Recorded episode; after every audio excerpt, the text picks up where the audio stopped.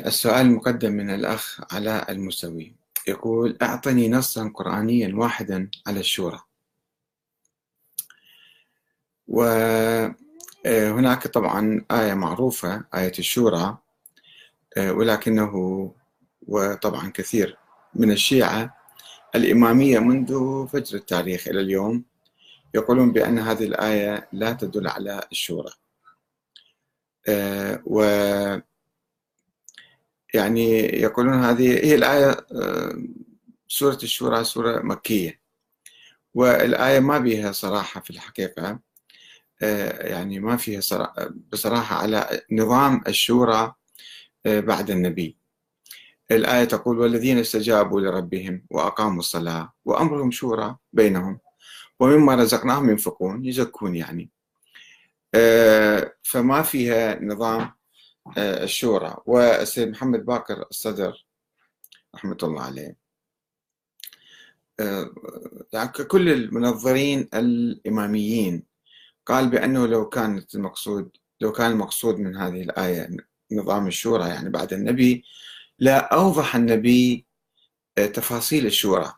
من ينتخب من ينتخب كيف ينتخب مدة الانتخاب مدة الحكم تفاصيل نظام الشورى.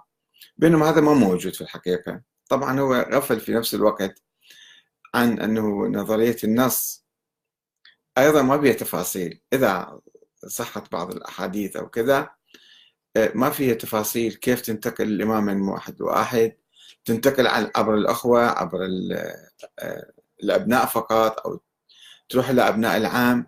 آه، كيف نعرف الإمام مثلا بالنص؟ مسألة أيضا في أسئلة كثيرة. هو تجاهل هذا تجاهل هذه الأسئلة ولم يعلق عليها.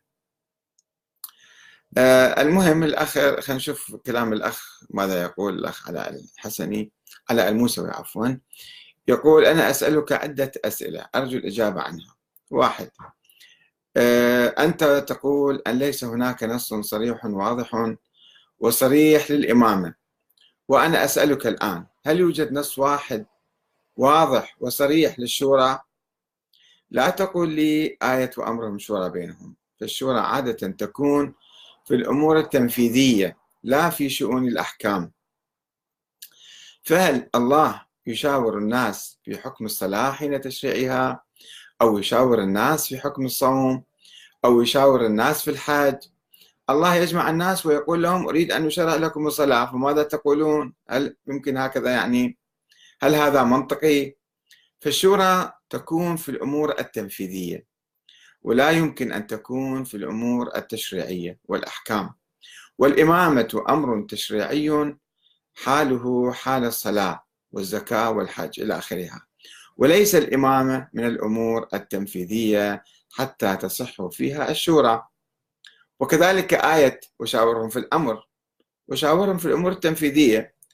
طبعا هي موجهة للنبي فقط هذه الآية.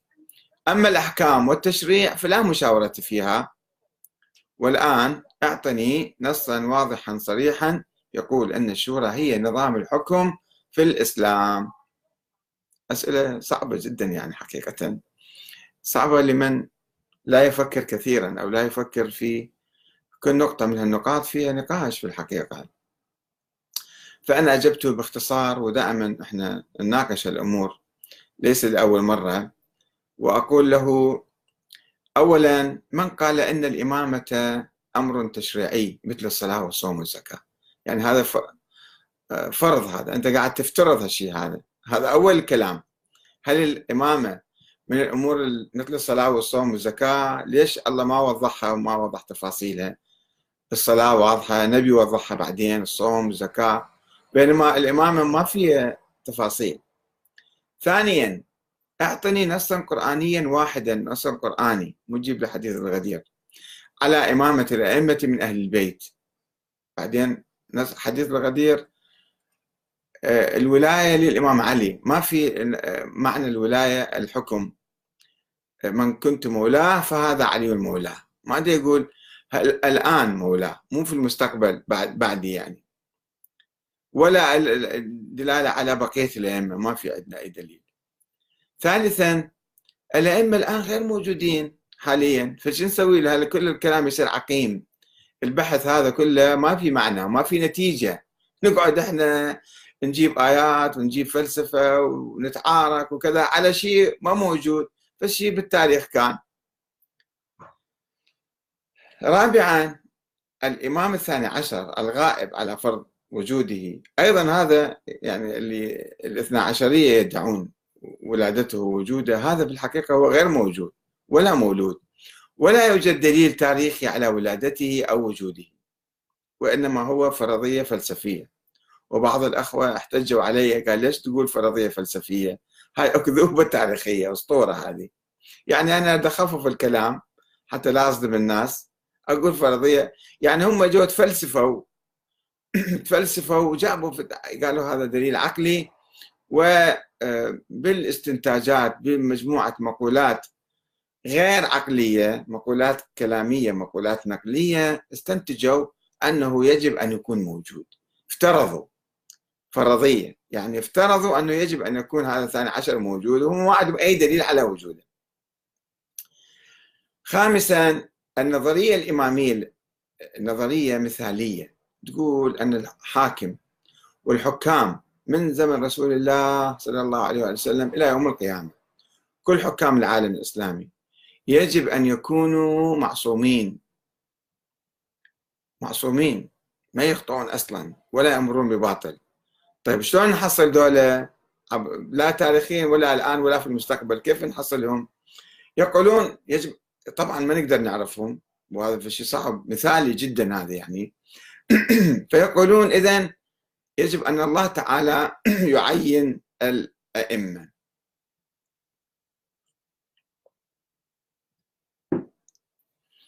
الله يعين الأئمة. هذه بعد صارت أصعب. هو العثور على واحد معصوم صعب جدا. ما يمكن نتعرف عليه. ما يمكن هم يقولون ما يمكن واحد يتعرف على الإمام المعصوم. لو ما في علامات في وجهه أو في كذا أو حوله فشلون نعرف هذا معصوم ذاك مو معصوم؟